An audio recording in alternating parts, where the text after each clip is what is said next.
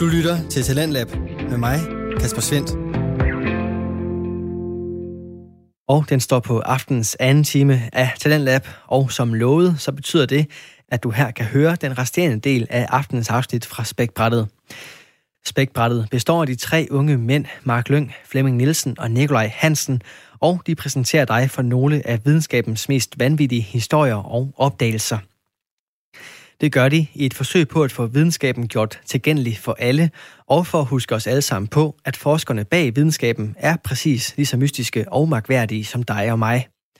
Og præcis det er nok ret godt til stede i aftenens afsnit, hvor de tre værter undersøger temaet Den værste død. Og det er altså ikke en episode for alle, men det er præcis en pointe ved podcasten her, at videnskaben altså rummer alle aspekter af os mennesker, og også på den side, der omhandler dødsfald. Det afsnit vender vi tilbage til her. Fuck den der tekniker. Hvis det var den tekniker, der overlevede, som åbnede slusen, han må have haft rimelig dårlig samvittighed bagefter. Ah, Jesus Christ, mand. Jeg håber ikke, han nogensinde har fået lov til at læse den artikel. Shit, hvor er det sindssygt. Og så lige det sidste, de havde fundet, det var, at hans lever, den var blevet fundet et eller andet tilfældigt sted inde i kammeret. Fuldstændig helt, som om den var blevet dissekeret ud af ham. Nej. Det, det er simpelthen, hvad der sker, hvis man, hvis man bliver rystet som en cola, og så bliver åbnet. Men i det, det mindste, helst- så er din lever, den overlever. Ah, det, den er tof. Din lever, den er tof. Åh, det er ubehageligt, Flemming. Jeg kan ikke lide det der. Så forskerne, de står tilbage efter det her makabre råd, og de er ikke helt klar over, hvad det er, de har fået i hænderne. De konkluderer, det er et uhyggeligt, men beklageligt uheld, og de var umiddelbart mest interesserede i fedtet i de her blodkar. Øh, De mener forresten, at det kommer, fordi blodet er begyndt at koge, og det denaturerer sig lipoproteiner i blodet, og så falder det ud af opløsning, ligesom æggeviden i vores æggeafsnit. Det er simpelthen, fordi hans blod er blevet kogt af Ja. trykforskellen. Yes, lige præcis. De skriver også, at nogle af Truls organer nok desværre er forsvundet ud i havet, blandt andet hans hjerne, fordi at det, der, det er nok fløjt ud af slusen. Nej. Og derudover så mener de, de mener, at de fire dykkere, de muligvis kunne have overlevet, hvis døren til slusen, den havde været af et andet design. Hvad? Fordi døren var lavet med sådan et sommerfugl design, som vipper rundt om et, om en, øhm, et hængsel i midten. Ah, ja, det kan jeg godt. Er det det der på billedet, der stikker Ja. ud i bunden? Ja. Lige præcis. Og ved, ved en trykfejl, altså ved, som det her, så bliver døren ikke automatisk lukket på grund af trykket. Hvis nu, at døren havde bare klappet i, som en almindelig dør i et hus, så ville trykket inden fra kammeret jo have gjort, at, at den her slusedør, den bare klappede i, i stedet for at, altså, at holde, blive åben. Ja. Det er fandme norsk Simpelthen. design, det der. Lige præcis. Og øh, så u- ulykken her, den bliver efterforsket af en komité af eksperter, umiddelbart efter.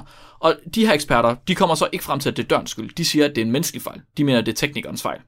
Mm-hmm. Året før, i 82, der havde en norsk myndighed fastsat en regel, der sagde, at slusedøre ikke måtte kunne åbnes, så længe slusen var under tryk. Hvem, hvem havde sagt det? Det havde en, øh, en norsk myndighed. Altså, der er en norsk myndighed for dykkere. Oh my, og så havde de bare ikke gjort noget ved det. De havde, de havde ikke behøvet at gøre noget ved det, fordi reglen kom i 82, og den var ikke retroaktiv. Så delfinen, den blev bygget i 74, og de behøvede ikke lave noget om. Fuck, Simpelthen. det er dumt. Det har de fået det sted at vide. Mange år senere, så er der flere norske dykkere, over en lang, lang årrække siden det her, flere norske dykkere, der simpelthen er gået sammen og har, øhm, har, og har lavet en form for, jeg ved ikke, om man skal kalde det union, øh, et eller andet, en gruppe. Nogle af de her dykkere, de har arbejdet på delfinen, og de har været ude at sige, at de mener, at efterforskningen i virkeligheden var for at dække for den virkelige fejl. Nå, den konspiration Siden også. halv- Oh yes, en rigtig konspiration. Sid- I Norge endda, jeg er sådan, what the fuck, en norsk konspiration, hvad fanden? Siden 90'erne, der har de haft en forening, der har kæmpet for kompensation til, til skadekommende dykkere og deres familie. De har simpelthen ikke fået nogen kompensation dengang i 70'erne. Øh, 80'erne, sorry. Altså, den her forening, den har kæmpet hårdt, og i 2008, der fik de endelig fat i en rapport, der var blevet skjult, som fortalte, at den virkelige årsag til ulykken ikke var menneskelig fejl, men udstyrsfejl What? og at det derfor var de her Byford Dolphins skyld, at det var gået galt. Det var fordi slusen ikke virkede ordentligt. Mm-hmm. Men der var stadig nogen, der havde åbnet den, ikke også? Yes, der var stadig nogen, der havde åbnet den for tidligt, men det har været en teknisk fejl nærmere, end det har været en altså menneskelig fejl. Man er lidt i tvivl om, hvad der er sket, da ham her teknikeren, han har åbnet for den her klampe. Ja, fordi han, eksp- ved- han, han eksploderede også nærmest. Præcis, man ved jo ikke, hvorfor han har gjort det. Han har nok ikke gjort det, fordi han vil slå mig ihjel, eller et eller andet, eller fordi han lavet... Det var i hvert fald en rimelig dum måde at gøre det på. Men også, hvorfor er der ikke en failsafe? Ja, det var også det, jeg sad og tænkte, uanset hvad, falder det tilbage på firmaet. Præcis, præcis. Så en datter øh, af en af de her tre dykkere, hun hedder Claire Lucas, hun opt- øh, udtalte sig til The Times i 2009. Jeg vil gå så langt som at sige, at den norske regering har myrdet min far, fordi de vidste, at de dykkede i et usikkert øh, kompressionskammer. Fuck, man. Afslutningsvis, 26 år efter ulykken, så bøjer den norske regering sig endelig, og så alle familier efterkommer af de her seks stykker, de har fået tildelt kompensation. I form af oliepenge. Oh. En ægte norsk konspiration, der har reddet en mand bogstaveligt talt i sønder og sammen, fuldstændig fra hinanden. Den har, den har reddet hans ansigt af at skubbe hans tissemand ind i kroppen, Mark. Det har været øh, dødens sporplatform. Shit, mand. Jeg, har- jeg har ikke lyst til at sige tak. jeg skulle til at sige, det, det er et tough act to follow, det der, men... Jeg håber, det er okay, at jeg brugte lidt ekstra tid. tak for i dag. I har lyttet til Spækbrættet. Kender det der, når man får sådan en sur, eller sådan, ja, sådan surt opkast, eller sådan surt opsted. Åh, den var bare, den, har, den var så meget, den her. Hvor var det vildt. Og der er billeder af alt. Af det hele. Også ansigtet. Der er et close-up af ansigtet, der er reddet af. Det skulle de bruge som logo, den der forening for øh, dykkersikkerhed. Åh, oh, Flemming. Flemming, det er for sindssygt sagt. Det er det vildeste, jeg nogensinde har hørt. Man kan se ham. Prøv at, de skriver, de skriver jo. Vi- fik tildelt Trul, de skriver ikke Truls, de skriver dykker nummer 4 i fire plastikposer. Se figur 7. Nej. Har de så billeder af Jo. poserne? Det troede jeg også. Heldigvis, så er det Truls, der er blevet prøvet at lave om til en person igen. Nej, har de prøvet at samle ham som sådan en fucking Ja, puslespil? Det gør de jo. Det gør de jo. Ej, hvor det, De skal jo finde ud af, hvor delene de passer til. ej, hvor er det langt ude. Er det ikke fucking makabert? Prøv at tænke på, hvad... Ej, og de har sikkert haft en fest med det, de der retsmedicinere der. Jeg vil godt sige tak til Nikolaj, fordi han fandt den artikel til mig. Den var... Wow. Jeg, jeg skæmtede den kun lige, så jeg har slet ikke kigget ned i den. Jeg så kun lige lidt af billederne. Også fordi, når man så søgte på det på nettet, så er det bare en ren konspiration. Det her med, at det er den norske regering, der bare har... Ja, lige præcis fik jeg 8 for face. Det, her, det er bare den norske regering, der, har- der har skjult det hele, og ikke har vil betale kompensation. Det er fucking sindssygt. Shit, man. Nå, ja, altså, det, det, det må jeg sige, Mark. Ja, men, men tak for det, Mark. det, det er tough act to follow. Velbekomme. Men jeg skal gøre mit bedste. Inden jeg vil snakke om det, jeg har med i dag, så vil jeg lige have nogle honorable mentions til, hvad jeg lige sådan tænkte over, hvad der i hvert fald er nogle af de værste måder at dø på. Så en af dem, jeg lige hurtigt kort øh, snakker om, det er for eksempel den elektriske stol.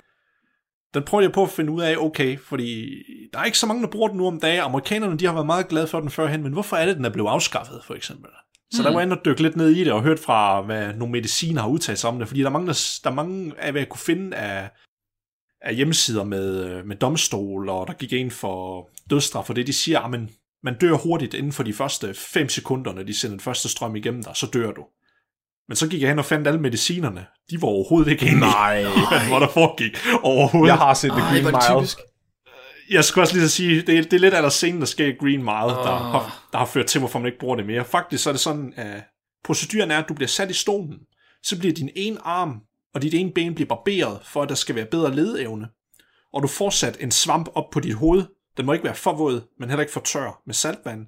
Så får du sat sådan en metalhætte ovenpå, og så bliver du spændt fast. Og så sætter de først, det voldsomste strøm, det er lige til at starte med de første 10-15 sekunder. Og det er for, at du skal besvime, påstår de, at man besvimer oh. i hvert fald. Hvor er det sindssygt, mand. Og så venter de cirka 30 sekunder, og så tjekker de pulsen, og så sender de strøm igen, og det bliver de ved, indtil du er død. Jeg har hørt sådan en skrøne med, at hvis du overlever fem af de der stød, så bliver du benådet, fordi så er det Guds vilje, at du ikke skal dø. Det er det mest amerikanske, jeg nogensinde har hørt. Jeg har godt hørt om den der myte der med, at amen, hvis du kan overleve tre gange, så er du en fri Ja. mand. Men, men, men det, er, vist- det er vist en myte, Flemming. Der, der er ikke noget sandhed i det, hvad jeg kan Jeg finde. synes, man skulle gøre det samme med, med guil- guillotiner. Eller Hvis ikke dit hoved falder af efter tredje gang, så, så er det okay. Prøv lige at tænke Ja. på den person, der overlever det tre gange, ikke? Men, men ja, så sætter de så strøm igennem ham, og der er mange, jeg fandt nogle ting, hvor der var højesteretsdommer, der havde overvejet henrettelsen, og så sagt, hvordan det er, og mange gange, der vil de sige, jamen der kunne øjnene godt falde ud af hovedet på dem, eller øjnene vil direkte smelte af varmen. Ej. Det er sådan, bagefter når de laver adoptioner på dem, så er der øh, tredjegradsforbrænding rundt omkring. Ikke bare uden på kroppen, der hvor elektronerne er siddet, men inde i hjertet. Og inde i hjernen er der tredjegradsforbrændinger. Hvorfor er man nogensinde begyndt på det? Det var tilbage på takket være øh, den gode mand Edison. Han mente, det var en god idé at bruge Ej. det. Det var mere humant end at halshugge og hænge folk. Ej, hvor er det sindssygt. Ja. Og der har været rigtig mange sted, øh, tilfælde, hvor øh, så har der været fejl under henrettelsen, så personen har... Øh, det var rimelig tydeligt, at han ikke var død. Han begyndte at råbe og skrige efter den første øh, sæt strøm, de gav ham. Og sagde de, at han ikke kunne trække vejret. Hvem var det, sagde du? Og så, så døde han, så døde han af at blive kvalt. nej, nej, nej, for så satte de bare strøm til ham igen jo. Hvem var det? Åh, oh, det er makabert. Jeg kan ikke huske, hvad han hed, men der var også et andet tilfælde, hvor der var en, han faktisk overlevede det første chok, og så stoppede de, så stoppede de hele henrettelsen, fordi der var problemer. Og så kom han i retssag, eller så, så var der faktisk mange, der snakker om, jamen teknisk set, så er han jo blevet henrettet på papiret. Ja. Han døde bare ikke. Og så snakkede de om, at han skulle frikendes, men så senere på året, så blev han faktisk dømt til døden igen, og så blev han henrettet i en elektrisk stol en gang til. Ja, jeg sidder, jeg sidder på hans Wikipedia-side nu. Jeg vil lige se, om der var noget ja. Med den der skrøn. Han hed Willie Francis, og han var kun 18 år gammel. Ja. Oh, wow. han sad i stolen og råbte, tag den af, tag den af, jeg kan ikke få luft. Oh, Ej, hvor er det sindssygt. Så det, ja, det, det, det er i hvert fald en måde, jeg kunne forestille mig, det er ikke en rar måde at gå på. Fordi altså, I har jo prøvet før at holde i elektrisk hegn jo. Ja, alle. Altså, hvis du får sådan en ordentlig stød, altså det, den der krampefornemmelse, du får i hele kroppen, prøv at gange den med en million, og det er over alt i hele din krop. Det er ligesom, når man støder en albu. Ja, Bare i hovedet. og... og, og, og hjertet. og så er den anden, jeg så også lige øh, hurtigt vil nævne, det er for eksempel, og det er en, jeg personligt mener nok er en af de værste, det er at blive brændt levende. Åh, oh, og der er lidt, hvad jeg kan finde af delte meninger fra øh, øh, medicinere. Der er nogen, de mener, jamen, det er kun lige de første få minutter, der er slemme, fordi så brænder nerveenderne, og så kan du ikke føle noget overhovedet. Og så er der andre, der mener, ah, det kommer an på, hvor varmt det er, hvor hurtigt det går. Og så er der nogen, de siger, at du når at blive kvalt, på grund af, at ilden den tager al oxygen ud af dine lunger. Så bliver du faktisk bare kvalt af varmen og, og, og, og selve ga, ja, øh, gasskyen, der kommer fra ilden. Mm. Men det lyder stadigvæk ikke som en rar Det er stadig ting, der tager pænt lang tid. Kan vi ikke blive Ja. med det? Jeg skulle til at sige, et til to minutter, det er rimelig lang tid. It's a Ah, det er witch! lang It's a witch! Ej, det er sindssygt. Og så den, og så den sidste, jeg skrev på, at jeg lige øh, hurtigt kunne tænke på, det var faktisk, nu når du nævnte øh, Jesus Flemming, så er det faktisk korsfæstning, jeg skal sætte på som en af dem. Og der er, faktisk, der er faktisk lavet studier med det, hvor folk de prøver at finde ud af, okay, hvad er hovedårsagen til, at man rent faktisk døde af det? Og det er sådan en lang liste. Enten hvis du bliver sat op på det. Hvis ikke du døde af lemlæstelsen, er at få sat en motherfucking nål gennem hænderne og fødderne, at du ikke dør af blodmangel, jamen, så hænger du bare på, enten så dør du af, du bliver dehydreret af varmen, dør af blodmangel, fordi fugle begynder at hakke i dine åbne sår, Åh, eller så dør du af sult, åh. eller, eller så dør du af chok. Jamen, selvfølgelig. Ja. Og det er over, at vi snakker flere uger, at du bare lider, mens du hænger det op i varmen. Oh, det er træls. Ja, Ja. det, det er træls. Det, det, er ikke, det er ikke en st- afstraffelsesmetode, der er lavet til at slå hurtigt ihjel. Så må du også lade være med at pøse jøderne af, altså. Tænk dig om. det var så romerne, der fandt på det, men okay. Ja, ja. Jeg var faktisk også tæt på at tage noget med den elektriske stol, øh, men jeg gik bort fra det alligevel. Jeg fandt sådan en, en, et barn, der var blevet henrettet i den elektriske stol, øh, fordi han var blevet falsk anklaget for at have dræbt et andet barn, men det var jo nok i virkeligheden et uheld. Øh, Shit. og han, han øh, var så han skulle sidde oven på en pude for at han kunne nå op til den der hætte der. Men det var stadig ikke øh, nok til at han, øh, at han døde ordentligt af det, så det tog sådan virkelig lang tid før at han sådan Er det en ægte historie? Ja. Hvordan kan man dømme et barn til døden? America, fuck yeah. Oh, what the fuck? Jamen, det, Fuck, det, vildeste med, det vildeste med den elektriske stol, det er, når du, nu når du nævnte den der med øh, den grønne mil, det er faktisk ikke fiktion. Det er rigtigt. Nogle gange, der kan der bare spontant gå ild i dem, fordi der er så meget varme. det er vildt nok. Og, og, og, og de her dommere, der har overvejet henrettelsen, de beskriver også, at der er sådan en, en lugt af, af brændthed. Altså sådan en sødlig varmel bacon-lugt, eller sådan noget, der kommer ved det. nej. Men nok om det. Nu skal vi videre til creme eller creme, jeg har taget med i dag. Så mit store spørgsmål er besvaret, for jeg mener, at der er en værre måde på end kun med smerte. Jeg vil, jeg vil våge at påstå faktisk, at psykologisk smerte kan være mindst lige så slem i hvert fald. Så jeg vil svare på, er det muligt? Kan du dø af frygt? Kan du føle så meget psykologisk terror og rædsel, at du bare giver op, din krop bare shotter ned, og så bare dør af det? Og det er der faktisk en anden person, eller det er der faktisk en person, øh, der hedder Walter Bradford Cannon, som der tilbage i 40'erne mente, at det var meget muligt. Han var en øh, medicinsk, øh, eller jeg undskyld, han var læge faktisk nærmere en fysiolog, og han coinede termet, der hedder voodoo-død, også kaldet psykosomatisk død, i 1942. Voodoo-død. Ja, voodoo-død, det er, navn, det er titlen på hans første paper, hvor han beskriver det. Tilbage i 1942, så det er det nok en af de ældste artikler, jeg nogensinde har læst, tror jeg. og han, øh, det sjove var, han er også den, der fandt på termet fight, uh, fight or flight response. Det er okay. faktisk ham, der er faderen til den, øh, med, ja, den der hele idé med, at når vi bliver bange og det, at vi så har forskellige metoder til, vi kan cope Ej, med det, men det er fucked up, at hans term med voodoo-død, det ikke er hængt ved. Ja, der, er, ma- der er mange, de, kald, de kalder det mere psykosomatisk død. Jeg, kan- jeg kan bedre lide den anden også. Psykosomatisk død, så det er bare det, noget, man bilder sig ind. Ja, og det er det, øh, jeg skal komme ind på, fordi han beskrev det i 1942. øh, Mange observationer, hvor han var øh, rundt omkring forskellige primitive stammer, ligesom aboriginals og alle mulige andre stammefærd, der var meget overtroiske. Og så skriver han i sine beretninger, at der var mange af dem, de var sunde og raske selv, når de var unge, men så fordi de var overbevist om, at der var en heksedoktor, der havde forbandet dem, eller de havde gjort et eller andet, øh, lad os sige, der, jeg tror, der var en kvinde, han beskrev, der havde spist en frugt fra et sted, der var meget heldigt. Og det fandt hun først, bag, hun fandt først, bag, først ud af bagefter, hvad det var, hun havde gjort, og så døde hun 24 timer senere. Nej. Bare et, hjertes, af et hjertestop. Så, oh, wow. Alle sådan, nogle ting, alle sådan nogle ting beskriver han i hele det her så, paper. det, så egentlig, så var træet måske egentlig forbandet, i kraft af, at de synes det var forbandet. Ja, og det, og det er det, han beskriver, at, at der ikke er noget overnaturligt på spil, men selve personen var så overbevist om det, at de får så voldsom en stressrespons, at deres krop ikke kan cope med det. Og, og, og hans idé om, hvad det var, der skete, fordi han var jo læge, så han, han mente, det var fordi, det var en sænkning af blodtrykket, der var så voldsomt, at det gav hjertefejl, fordi de var så Ej, skræmte det- af, hvad det var, de havde gjort. Og Nikolaj, fortæller du mig, at mennesker i virkeligheden er orkerne for Warhammer 40.000?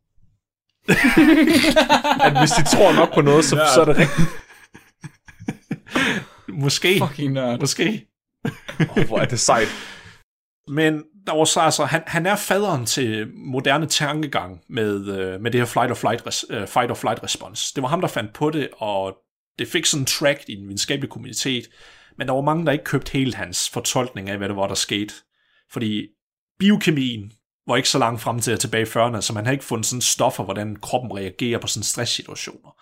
Og der var også mange af hans eksempler, de var teknisk set anekdoter. Jo, han er bare beskrevet, Ja hvad han har set stammefolk, og det, det, der var ikke sådan hårde beviser at Nej, det er ligesom uh, psykologipapers i dag. Ja, Og, og biologipapers. Ja. Du er da biolog nu, Mark, er du ikke det?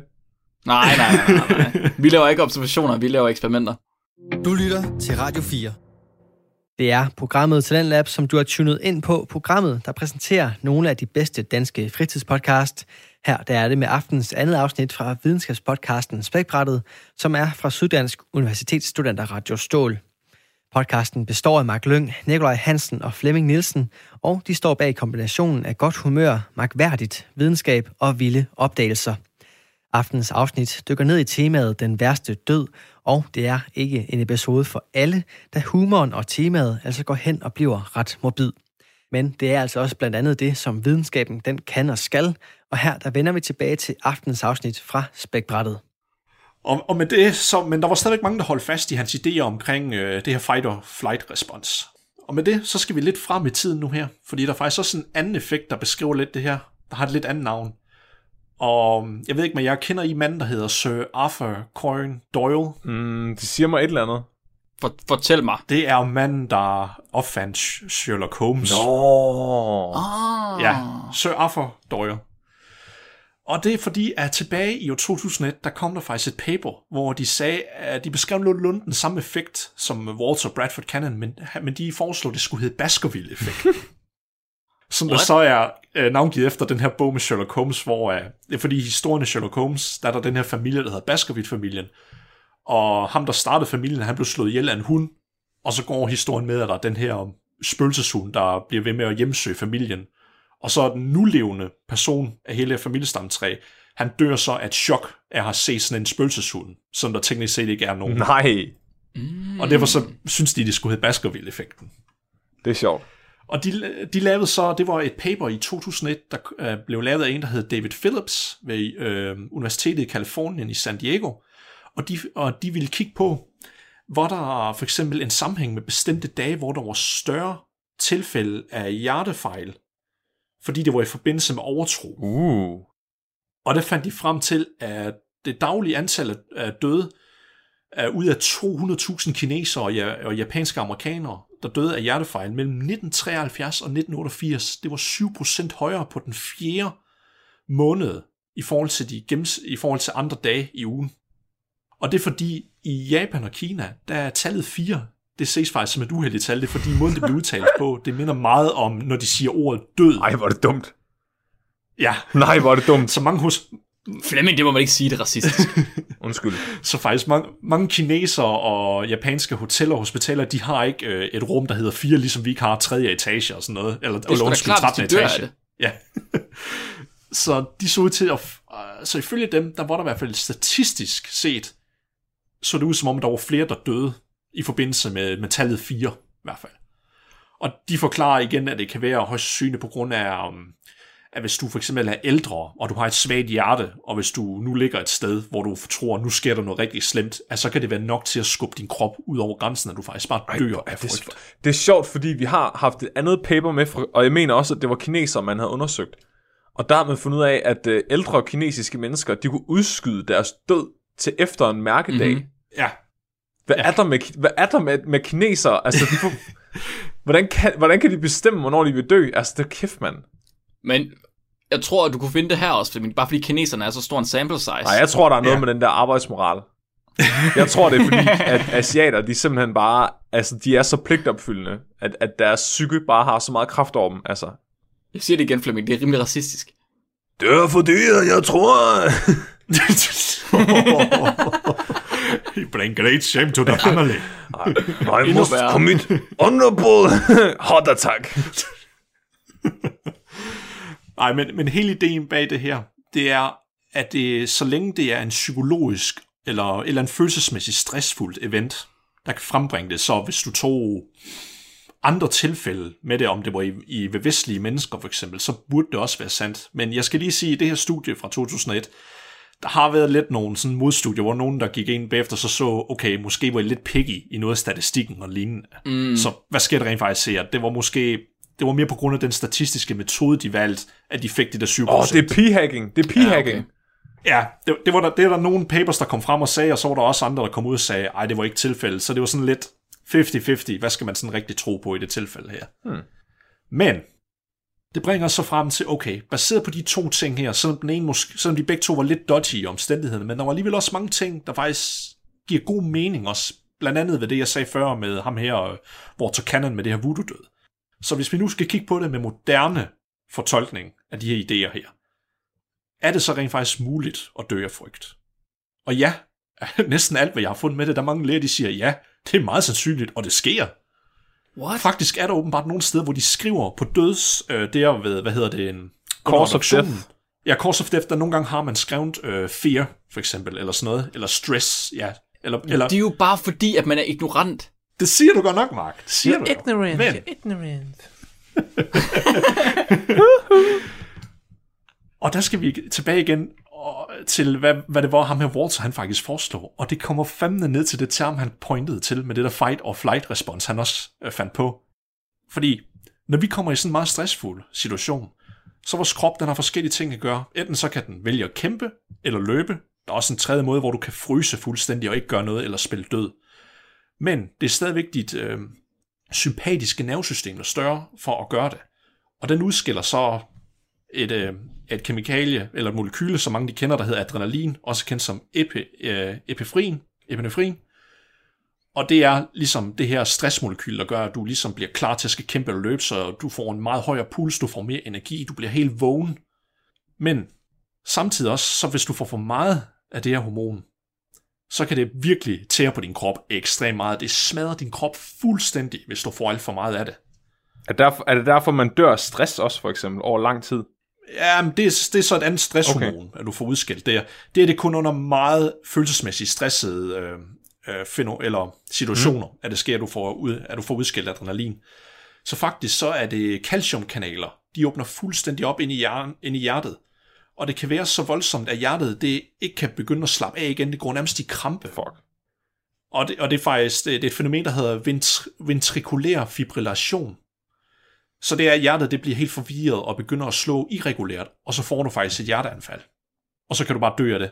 Så mennesket har udviklet en evne til at flygte fra ting, de bør, Ja. men de har udviklet den så godt, at de kan opleve det for meget, så de dør af Så det. vi, man bliver så bange Så- for at Hvorfor er dø, de at man ikke dør. blevet, hvorfor, hvorfor er de mennesker ikke blevet selekteret fra? Hvorfor findes de mennesker? Skal Jamen, de ikke, det- hvorfor? Det er et godt spørgsmål, Mark, fordi det, det, der, det kunne jeg ikke rigtig finde noget svar på, egentlig. Om det er bare fordi, at, at vi i vores moderne generation, at vi ikke er vant til at blive udsat for stressede situationer, som vores forfædre var, så når vi endelig bliver udsat for det, så kan vores krop ikke cope med det. Om det er det, måske. Mm. Så vi ikke er i Hvor træning. bange skal man blive, før man dør? Så vi ikke er i Hvad du? træning, altså. Ja, det, Ja, ja altså, måske. det, det er bare min hypotese, for jeg kunne ikke rigtig finde nogen forklaring for det, men jeg kunne finde masser af case, øh, rapport, øh, case reports, hvor de beskriver, for eksempel, der var, jeg tror det var en 23-årig øh, mand, han, jo, han, han var simpelthen så bange, at han så døde til sidst, bare ren stress, og de tjekkede også i hans blod, og det de kunne se, der var rigtig mange øh, stresshormoner, fuldstændig over det hele, og det var det, de konkluderede, men han døde bare øh, af frygt. Hvad skal man se, for man dør af frygt? Det, det er godt... Donald Trump uden tøj på. Flemming, hvad, hvad, skulle der, hvad, hvad siger du, Flemming? Hvad skulle der til for, at du øh, døde af frygt? Se Donald Trump uden tøj på, tror jeg. Det har vi jo gjort. Nå. Jeg døde ikke af det. Ja, det ved jeg ikke. Har du ikke set ham uden tøj på? Ikke nu. Nå, der er den der statue et eller andet sted i USA. Vil du gerne slå mig ihjel, Mark? Måske. Nikolaj, hvad skal der til for, at du døde af, af, af frygt? Uh. Og se Flemmings feedpick med, øh, med hvor han har neglelak på. Uh. Det kan også godt, den Fem støtter og mere, folkens. For at slå Nikolaj ihjel.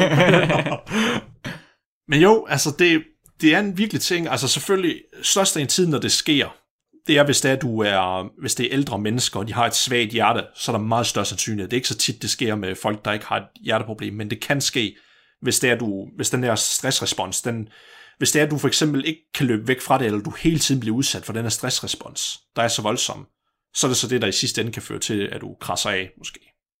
Men, men det sjove er, at de skriver, at det behøves ikke nødvendigvis at være, lad os sige, det er en situation, hvor øh, du er i krig, for eksempel, eller, et eller, andet, ja, eller du bliver jagtet af en morder.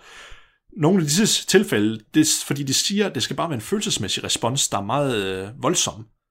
Så man har også fundet det her med folk, der er døde af at have sex. Nej. Jo, Nej. Og jeg kender faktisk en, der er død af det. Nej. Jo, jeg har arvet hans snapseglas. Ej, hvad? Men det var ikke, det var måske ikke, altså han, øh, der var nogle af min farmor og farfars øh, venner, øh, hvor hun øh, var i gang med at ride ham, og så øh, blev han så ophidset, at hans, øh, hans halspulsorden sprang. Ej, hvad? Ja, jeg har arvet hans, øh, hans snapseglas med jagtmotiver på. Men altså, det var måske også, fordi han havde overforkalkning, ikke? Men alligevel, det var det, der triggerede det. Men ja, det, det, det kan lade sig gøre, så længe det er en følelsesmæssig, meget stressende situation. Så ja, så kan du dø af, af så kan din egen krop slå sig selv ihjel, i hvert fald på den måde. Det tror jeg også, min havde gjort, hvis jeg havde sex med hende der. Ja, det, det er faktisk rigtigt. Nu skriver Tobias af Heartbreak. Det er faktisk også lidt af det samme, der sker. Det hedder Broken Heart Syndrome. Hvor er, hvis det er, du er meget ked af det at slå op med en kæreste, eller du har mistet en kære menneske, så er det nogenlunde også samme effekt, man ser også der. At din krop til sidst bare bryder sig selv ned af alle de stresshormoner, den udskiller. At de, dine indre organer, de kan simpelthen ikke tage det. Og så til sidst, så, så kan du risikere at dø af det, eller i hvert fald få hjertebanken og lignende. Hvorfor er kroppen så dårlig? min, øh, min, min farmors, eller min farfars øh, bror og kone, de døde faktisk øh, samtidig. Okay. Men det var måske også, fordi hun havde, at den ene, den ene var død, og så havde den anden fundet den døde, og så var personen død af at have fundet den døde. Så det var måske egentlig også at dø af skræk, men det var et hjertestop, vist. Men måske også overforkalkning. Og det er også en mulighed. Men hvornår er det skræk, og hvornår er det overforkalkning, Mark? Ja, man spørger sig selv. Lægerne er i vildrede. Det, det er et godt spørgsmål, Flemming. Men det tror jeg, det er uden for... Det er, det er uden, Nej, det er ikke et særligt godt spørgsmål. jo, det er. Nu prøv, Mark, jeg prøver bare på at, at være flink over for det her meget specielle barn her. det, det er da et godt spørgsmål. Nej. Men ja, så til sidst vil jeg konkludere, ja, det er meget muligt, du kan sagtens dø af frygt, så hvis du lige skal skræmme en god ven eller en i din familie, så måske lige tænk dig om, om de har et dårligt hjerte næste gang. Så du lige konkludere. Nej, jeg sagde konkludere. Oh god, folk, tror I, tror I, man kan blive dømt for uaksom manddrab? Er det uaksom eller aksom manddrab, Jeg hvis man er, slår en ihjel for at skræmme dem? jeg er så glad for, at du siger det, Mark, for der er folk, der blev dømt i Amerika for det. Det passer ikke! Det gør det. Nej. Det er kategoriseret, altså kategoriseringen med det, det er, det ses som en form for, ja, som du siger, uaksom manddrab, eller collateral damage. Så der er, Collateral damage! Og dræbe nogen af skræk. ja, ja, men så er det som efterfølger, efter forbrydelsen er sket, eller lignende. Nå, så det er fordi, de har begået en forbrydelse, og så er personen død af skræk. Ja, det kan det også være, men det kan også være under tilfælde, hvor de måske ikke har skudt det, men de blev så stressede, at de bare faldt døde om og har fået et slagtilfælde, eller, eller ja, et, et, ja øh, hvad hedder det? Øh, Oh, Ja, et heart- ja, prøv et- at tænke et at heart attack. stå, prøv at tænke at stå og sigte på en med en riffel, og så lige pludselig falder de bare om, uden du har skudt dem. Kan du stoppe? Kan du komme op igen? Jeg er ikke færdig. tror, du, tror du, han er skuffet over det, ligesom, han- at de ødelægger hans sport? det der totalt antiklimaks. Giv mig noget for løsning, mand. Ej, hvor er det sjovt. Ej, Mark. Shit, mand. Det hedder det, Flemming. Det hedder det. ikke seksuel forløsning, Flemming. Nu er du ulækker. Ja, skal, skal, skal vi få en lidt mere opmuntrende stemning, Flemming? Ej, men det ved jeg ikke, om jeg kan levere, men fuck, det var, det var virkelig sjovt. Nu kan jeg jo ikke komme... Fuck, jeg, kan ikke, jeg, du, Mark har haft en person med, som er, har fået vendt vrangen indad på sin tissemand, og hans ansigt er flået af. og du, du har lige fortalt mig, hvordan jeg kan dø af skræk. I meget grufulde detaljer. Og nu, og nu skal jeg komme oven på det der. Men i virkeligheden, så havde du det faktisk svært, fordi du skulle komme oven på Auchi. Ja, også det. Kæft, man, han står og lurer på mig lige nu, kan jeg mærke. Åh, oh, klart. Han kommer i min næste søvnparalyse. Uden hud. Åh, oh, shit. nej, nej, nej, han giver Flemming hånden for at sige goddag, og så i det Flemming tager fat i hånden, så glider hele huden bare armen af. sagt. Åh, oh, det er sådan en handske. Jeg vil, jeg vil gerne starte med et spørgsmål. Har I mødt vor herre og skaber, Jesus Kristus? Nej, i hele mit liv i den vestlige verden har jeg aldrig nogensinde hørt om sådan et latterligt dumt navn og sådan et eventyr, Flemming. Men Jeg møder øh, ham det kan dag. godt være, at I skal overveje at acceptere ham ind i jeres hjerte. Må jeg, jeg, jeg, vil også, jeg møder ham hver dag i min hengivenhed til ham. I, Uh. I form af min afholdenhed. Din aseksualitet, hvor du forestiller dig et homoseksuelt monogam par, der har troværdig sex med hinanden og aldrig vil være hinanden. I, Ma- i Marks verden, så, er det, så er alle mennesker bare en Barbie og kenddukke ned for neden. Og også afholdenhed fra alkohol. Det er faktisk bare... ikke. Mark, du udviser faktisk virkelig mange fællestræk med mange kendte seriemordere. jeg vil Er bare de lige også nogle gode det. personer? Hvad? Er de også nogle gode personer? Ja, det tænker jeg. Jamen, mange af dem, de var da meget succesfulde, så det er da en bonus. Ja, det kan man sige, de var gode til det, de gjorde. Ja. og arbejdsglæden var sikkert også. Shit, man. Så hvorfor, hvorfor skal vi vide noget om Gud og Jesus? Det er fordi, jeg skal, jeg skal tale om, jeg vil gerne tale om ligegyldig død. Og som vi ved, så er Jesus den eneste, der ikke har lidt en ligegyldig død, fordi et eller andet sted, så er alt død vel egentlig på sin vis ligegyldig. Ja, true. Okay, ja. Altså, ma- hvornår tænker man, fuck, det var godt, den her person døde. Ej, det skal jeg måske ikke spørge jer om. I er ikke de rigtige at spørge om det her. øhm, videnskaben har måske et lidt bedre term for det. Det hedder en øhm, preventable death. Og det, mm. og det er sådan mere specifikt en død, som kunne forhindres. Men hvornår kan en død forhindres? Er mit spørgsmål. Fordi i, i videnskabens verden, altså så er det en preventable death, det er egentlig øh, et, et, en død ved et uheld, mere eller mindre. ja. Så hvis du, hvis du dør af en eller anden form for sygdom eller helbredsproblem, så er det ikke en, en, en, en død, der kunne forhindres. Men så, hvad med livsstilssygdom? Altså, de, de kunne vel godt forhindres. Og hvis. Ja. og hvis fri vilje ikke findes, er der så i virkeligheden nogen død, der kunne forhindres? Shit, det blev hurtigt meget filosofisk lige pludselig. så jeg, øhm, jeg vil gerne tale om den mest nederen måde at dø på, og det er ved en død, som er så mega tilfældig og, og preventable, som noget overhovedet kunne være, og så alligevel God. så sker det. Oh god.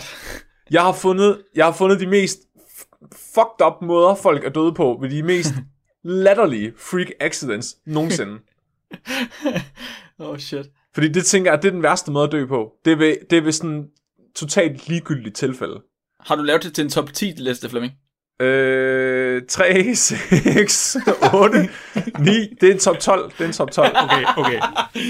Men det er vilkårlig rækkefølge. Så den første, det er Robert Mavjega. Han var ude fiske. Og han fanger en rigtig flot fisk. Og fisken, den vælger så at hoppe ind i munden på ham, efter han har fanget den. og så ryger den ned igennem hans hals. Og så bliver han kvælt af den her levende fisk, han har fanget. Ej, What? ej, hvad? Ja. Hvor er det, prøv at han fanger, han fanger en fisk på den sejeste måde i verden, og han når ikke engang vise det til nogen, før han dør af det. Nej, men altså, så, så vild kan den fangst jo heller ikke have været, når den kunne komme ned i halsen på ham. Så skulle han have haft sådan en Kim Larsen-mund eller et eller andet. Ja, hvis han blev kvalt af den. Jeg, t- jeg tænker, tror, tror du ikke bare, at det er noget, folk har sagt, fordi fisken den var så lille, siden den kunne komme ned i halsen på ham, at de, de ville ikke, det var for pinligt, at han fangede så lille en fisk? Jo, det kan godt være. Han døde faktisk bare skam. Ja. Så har jeg Maria de Jesus Arroyo. Hun øh, døde faktisk af alderdom. Hun havde et slagtilfælde eller noget af den stil. En død, som ikke kunne forhindres. Men hun fik en chance mere i det her liv, for hun vågnede op igen fra de døde. Desværre var det inde i en ligpose i kapellets fryser. Shit, man. Hun blev fundet inde i fryseren den efterfølgende dag med krassemærker på indersiden af ligposen. Ej, nej, Ej. nej. Ej, Det, det- er bare det, alle Marit handler om nogensinde. Ja, det minder mig om Det er de, det der, værste. de der historier, der med, at man før i tiden, når man begravede folk, så blev sat man sådan en klok til ned i kisten. Så netop for, hvis det var folk, de ikke var døde, så kunne de ringe med klokken på kirkegården, så de kunne blive gravet ligesom, op igen. Det er ligesom, det er ligesom Svedbankens øh, døvebegravelse. Sødbankens støvbegravelse. Har du ikke hørt, øh, hvor han bare ligger og banker ind på kisten, mens øh, folk de står og græder, fordi det er døve mennesker, der kan høre ham? Ej, hvor det...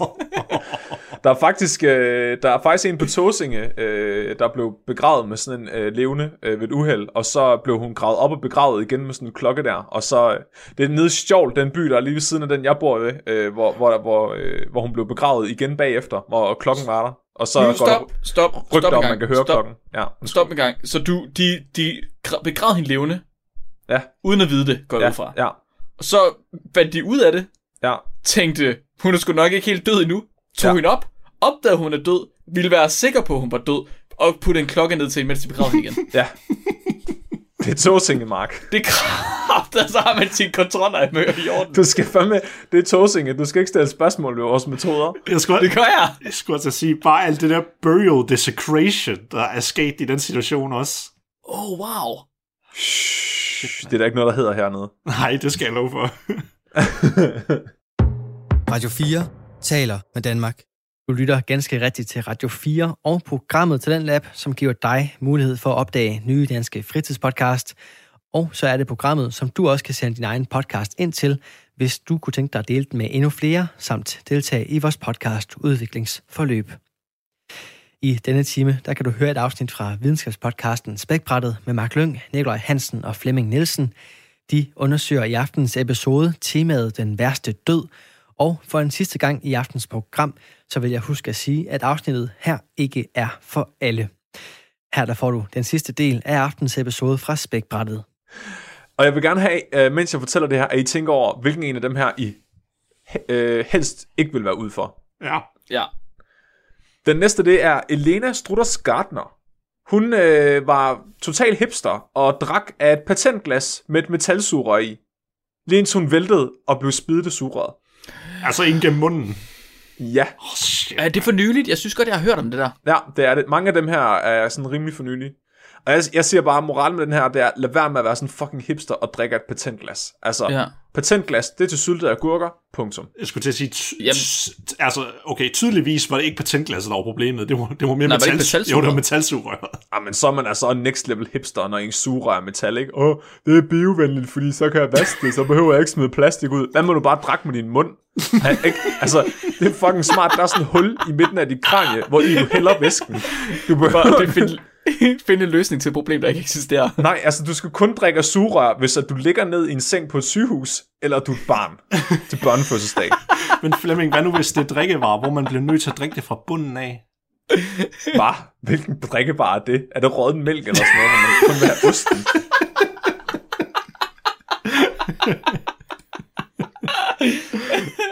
Jeg har aldrig hørt om drikkevarer, man skulle drikke nedefra. Nicolaj. der- der- Jeg, Jeg kunne, godt, jeg, kunne, jeg kunne godt tænke mig at drikke hytteost fra bunden. Flemming, Jeg vil godt bare have væsken først. Altså, prøv at, så, så, selvfølgelig ved du ikke det, Flemming, fordi du drikker aldrig andet end øl, så du har ikke prøvet at få drinks, hvor, du skal, hvor det er nødvendigt næsten. Nej. okay. Øhm, nu, øh, nej, vi gemmer lige de her to til sidst, fordi de er faktisk nok de bedste. Så bliver det lidt ligesom en top 10 alligevel. Uh. Vi har øh, Sam Ballard. Han, øh, som barn, der øh, slugte han en øh, skovsnegl øh, som del af en øh, udfordring. Fordi han ville være med i hulen, eller hvad? Ja, det tror jeg. Han var totalt mulle i det her. Badum, Han døde 8 år efter af en parasit, som levede på den her skovsnegl. Oh, what? 8 år senere. 8 år senere. Det er fandme uheldigt. Fucking hell, man. Så har vi Rashes Maru. Og øh, det her, det vil jeg sige, det er absolut et tilfælde af en død, der kunne være forhindret. Han havde et øh, familiemedlem med på hospitalet, og den her øh, kvinde, hun sad i kørestol og med iltapparat. Hun skulle så i en MRI-scanner. Radiologen øh, beder så Rashes om at komme ind med iltflasken til det her iltapparat.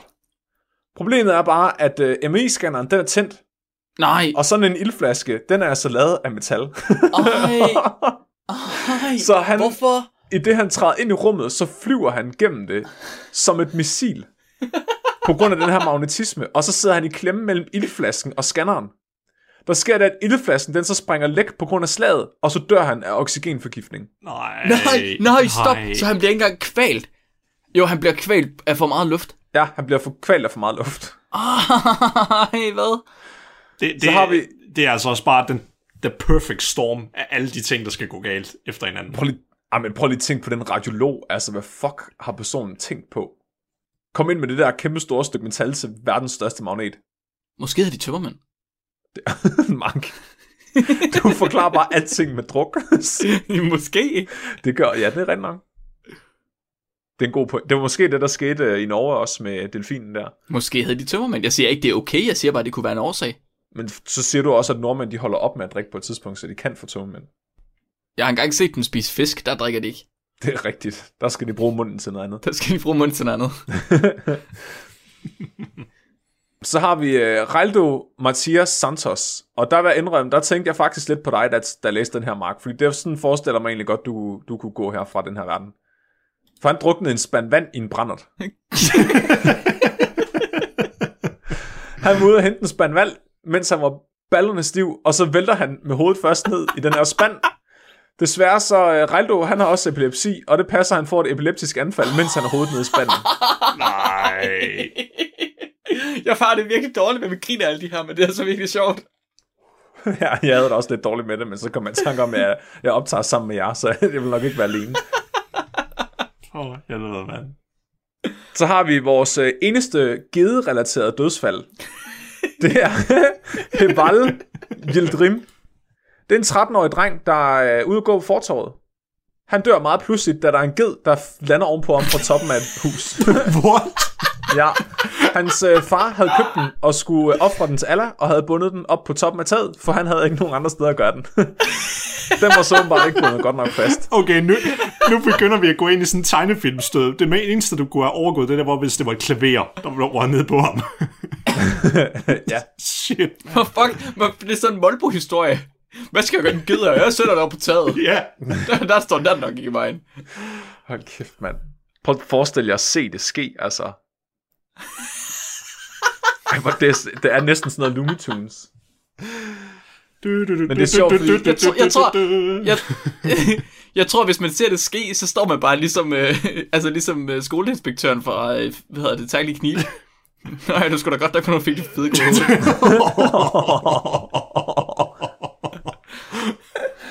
Åh, oh, kæft, mand, Mark. Jeg tror ikke, man kan andet grine af det. Jeg tror ikke, man, jeg tror ikke, jeg tror, jeg tror ikke, man er skræmt. Nej, jeg, jeg tror bare, man er målløs. Altså, man, det eneste, man kan gøre, det er bare at bryde stedigheden. Jeg tror, jeg bare vil stige, og så vil jeg tage min telefon frem. Altså, Åh, oh, shit. Det var noget af en gøre? tragedie. nej, stop. Stop. Stop, stop podcasten. Jeg vil af. Jeg vil ikke mere. Flemming, der fik jeg det samme sure opsted, som efter Max historie. Hvad sagde Ja. du, Mark? Hvad sagde du? Sagde du, jeg ged ikke mere, eller hvad? Nej, det var det. Ja. Tak for nu. Det var det for spækbrættet. Vi ses aldrig mere. Nej, jeg er ked, jeg er ked af det. Jeg skal nok stoppe nu. Det er mægtig sjovt, Flemming. Undskyld. Apropos geder og død, så øh, har jeg noget, vi måske kan have med i næste afsnit, og det er noget med tortur fra middelalderen. Fordi jeg faldt over, at øh, i middelalderen, der var det en almindelig torturmetode, at man piskede folk, og så smurte man dem ind i honning, og så fik man en ged til at slikke honningen af dem. Fordi geder, det de er åbenbart virkelig ro tunger, så det gør vildt ondt i de der sår fra piskesmældene. Okay. Og jeg har et tilfælde af, at en mand var så tortureret, inden geden blev lukket ind, at geden stak af i skræk, da den så ham. Det lyder lidt som en Monty Python-sketch lige det her. Ja. Oh. Så har vi uh, Hayata Tsuru... Ah, det kan jeg ikke udtale. Han hedder Hayata. Han var sådan måske lidt tung i det. Han boede i hvert fald på en institution, hvor der blev holdt øje med ham. Indtil en dag, hvor han øh, stak af og kom ind i det øh, nærtliggende supermarked. Der åd han så donuts, indtil han døde. What a way to go. Ja. A... Det er nok den bedste indtil videre. Han er nok He den første asiat, der kom direkte i Valhalla. ja. Så har vi uh, James Campbell, som blev kørt ned af en hund. Ned af Ja. en hund. Ja, han blev kørt ned af en hund i en bil. What? What? Der var en, øh, en øh, bokserhund, som øh, var hoppet ind af det åbne vindue i bilen, og så var den kommet til at trykke på speederen og, og køre James Campbell ned med, med hans egen bil. Og det er derfor, man skal huske at trække håndbremsen. Ja, eller slukke bilen. ja, eller sluk bilen, ja. Så er der den, den ældste, der er med på listen her. Det er Clement øh, Vallandigham. Og han øh, øh, var advokat, eller han var forsvar i en retssag, hvor han ville demonstrere, hvordan at øh, personen, der var død i den her retssag, umuligt kunne have begået selvmord med den her pistol på den måde, at han var skudt på. Problemet var bare, at han kom til at skyde sig selv inde i retssalen foran øh, alle sammen på nøjagtig samme måde, som øh, pågældende var skudt på. Og kæft, mand, så ved man godt, hvor den sag gik hen af. Jeg, jeg skulle lige sige, det der, han er den ultimative vinder af det, der hedder Darwin Awarden. Kender I det? Ja, ja, ja. Ja. Han, tak, fordi han fjernede sig selv fra genpølen. Mange tak. Det var ligesom ham, advokaten i USA, der skulle bevise, at det ikke kunne lade sig gøre, at- der var en, der var faldet igennem et eller andet vindue, og så løb han ind i vinduet selv, og så røg han ned og døde. Okay, nu har vi de to sidste, og det er nok mine personlige yndlings, hvis jeg godt må sige det, selvom det er lidt morbidt. Så øh, vi har Raul Maria de Sousa, en brasiliansk mand, der ligger og sover så sødt i sin seng. Indtil der er en ko, der falder ned igennem taget og knuser ham i sengen. Den her ko, den var simpelthen stukket af, og, og øh, så var den kravlet op på øh, en bakke ved siden af huset, og kravlet op på husets tag. Og så passer det, at husets tag øh, simpelthen øh, havde givet op under koen, lige da den var hen over mandens seng. Hvor forestil Hvor er jer det at ligge og sove, og så lige pludselig så bliver du knust af en ko. Det, det, er, min, Jamen, det er min drøm, jamen- Flemming. Det er min drøm. Hvordan kan det overhovedet ske? Hvor er det sindssygt. det var godt, da ikke fik den fede ko. og Hvorfor kom den op til at starte med? Hvorfor? Hvorfor? jeg ved det ikke. Jeg har så mange ko-relaterede spørgsmål i forvejen. Ja, det er bare, det er added to the list. Eh, shit, mand. Den aller sidste, og den allermest ekstreme. Doc McKay øh, var medejer af en forlystelsespark i USA. Og øh, udover det, så havde han også noget meget langt og flot hår. En dag, der står han under en af de her rutsjebaner i forlystelsesparken, og øh, skal smøre nogle bolde. Og han står sådan under rutsjebanen og kigger på den og overvejer, hvordan han skal gribe det an. Desværre så tager vinden fat i hans lange hår, og så sætter det sig fast i vognen, da den kører forbi, Nej, nej, nej, nej. og river ham med. Nå, river ham med Ja, i håret. ja, I, og det holdt. ja. Det, så, Nej. det blev siddende. Han, han bliver så, øh, altså han dør ikke af det her. Han bliver slynget med, og, og øh, den her park, den er, forlystelsespark, den er så fyldt med børn. Både i vognen, der kører med ham, men også øh, på jorden rundt omkring, som står og kigger på. Den her voksne mand, der hænger i sit hår fra vognen, kører med rundt og bliver slynget rundt, rammer en stålpille, så hans hals bliver skåret over, og der sprøjter oh. blod ud over børnene i vognen og børnene i parken. Det er desværre ikke nok til at slå ham ihjel. Hvad? Ja. Hvad? Han fortsætter med op i 360 graders loop. Og da vognen når op til toppen af loopet, er det så endelig nok til, at hans skalp bliver revet fra hans hoved, og han falder ned på jorden. Her der dør han så i faldet, fordi han bliver kvæstet, og så eksploderer han ud over de børn, der har stået og kigget på. Wow, Punktum. wow. Men det var sgu da godt, der blev nogen, der fik fede kode i hovedet. Ej, det er, sinds, det er så sindssygt. Jeg skulle, den, der, den der død, det kunne være som taget ud fra en Final Destination-film. Det, altså, ja, Hvordan, hvordan holdt hans hår? Jeg forstår det ikke. han må have haft noget virkelig, virkelig flot fyldigt hår. Han har sikkert brugt L'Oreal. det er faktisk en virkelig god L'Oreal-reklame, det her. Han, altså, en skalp går op, inden hans hår går op. Ja. Jamen, det, altså, det er meget rigtigt. Jeg har set før, at folk de har dokumenteret, at en, en hestehale godt kan holde en personbil op, for eksempel. Nej, hvor er det sindssygt. Ja. Hvordan tror I, de børn, de har det? De har det fint, de- Perfekt. de- De, var fra Vestjylland, så det var bare en normal dag. Og det er træls. ja, det er træls. Skal vi tage en is? Ja, det er fint. Mor, mor, kan man så ikke få en tur mere? Nej, nu er den lukket for i dag. Åh, Åh, Det skal bare gås væk. nu har jeg ventet en halv time, og de har stadig ikke fået fjernet det lige, så jeg kan komme op og køre en tur til. Så kan han bare lade være med at være langhårdt, den hippie. Hvis det var min hund, så har jeg klippet den. fuck, man. Og, og Nikolaj. det er jo ikke mig, der siger det. Det er Vestjylland, der siger det. Ja. Hele Vestjylland samlet. Kan vi undersøge det med dit hår, Nikolaj? Lige det, du, du sagde, at det var en tolv blev grebet, så, så du ved, det var derfor, jeg sagde shit, mand. Fordi jeg kunne lige forestille mig det selv, hvordan det ville være. Har du, har du, for, klipper du det af nu? Nej, nej, nej, nej, nej, nej. Der skal mere til. Nå, okay. Ej, dit Okay. hår, det er altså også virkelig tykt. Jeg tror faktisk, hvis det kunne ske for nogen, så er det dig, Nikolaj. Tak for det. Har du nogensinde, har dit hår nogensinde siddet fast i noget før? Ja. Men det var nemt at få, men det var nemt at få fri, få fri igen. Hvor, hvor er det siddet fast hen, Nikolaj? Jeg tror, det var et, eller andet, det var et stykke skarpt metal, der jeg skulle hjælpe øh, min bror med noget. Så var, du ved, det var sådan, det var sådan øh, metal, hvor der var sådan nogle kroge bagved. Det var faktisk sådan et øh, til at holde på sådan nogle slanger. Og så sad det fast, så fordi jeg lige skulle bukke mig ned, så kunne jeg mærke, der blev revet fuldstændig hele min skalp. Nej. Åh, oh, Nikolaj. Nikolaj. Jeg, oh, jeg siger ikke mere. Har det aldrig siddet fast i en printer eller sådan noget? Nej, aldrig. Nå. Hvad med lynlåsen til din øh, sløjtlærers øh, bukser? wow. I bildøren? Ej, er ikke, ej, heller ikke i bidøren. Nå, men jeg behøver vist ikke spørge dig, Nikolaj, på hvilken måde du øh, helst ikke vil dø af dem her. Ej, det, det var måske nok den sidste, det, tror jeg. Hva, hvor ligger du henne, Mark? Altså, så den sidste, den var helt klart ubehagelig. Men det er stadig en skidegod historie. Ja, Og det, hvis der er noget, man skal dø med, så er det en god historie. så kunne du også få en, øh, en gravsten, hvor der står Wii på. Ui, ui, ui, ui. Jeg synes ikke, øh, jeg synes ikke en ged i hovedet er øh, lige så god en historie. Jeg synes, det er lidt ubehageligt. Hvad med, ja. ham, hvad med ham der, der med det der van, der drak? Åh oh ja, fuck. Okay, den var dum. Den var rigtig dum. Ham der, der, faldt, ham der, der druknede en spand vand. Nej, jeg Okay. tror, at Mark tænker på hende, der døde med patentglasset. Eller Nikolaj. Og den, nå, den er også god. Den var sur. Okay, det er også den dummeste måde, man kan dø på. Ej, der er virkelig mange gode, Flemming. Det Jeg tænker, at den ikke. mest ydmygende måde som vestjyd, det må være at fange en fisk, der er så lille, du bliver kvælt i den. ja, det skulle du man tro. Eller du, eller du dør under en eller anden bizarre pløjningsulykke af din egen traktor. Ja, det er fandme, det er fandme sådan helteagtigt. Det er sådan martyragtigt. Ja. Det tror jeg godt, man må. ja, så bliver du en del af det. Af jord er han kommet til jord, skal han blive. Man må ikke dø af at få en kartoffelgal i halsen. Nej. Han, Det- det, han det levede er for sine kartofler, og nu skal han selv blive til kartofler. Den står der flot overskæg, godt Flemming. Hans, hans kød vil føde vores børn i de mange kommende generationer. Tak fordi I lyttede med, kære lytter, til den her mobile og meget deprimerende samtale i dag. Vi skal til dagens dyrefakt. Tøre har sendt dagens dyrefakt ind. Og Tøre han har skrevet ind til os.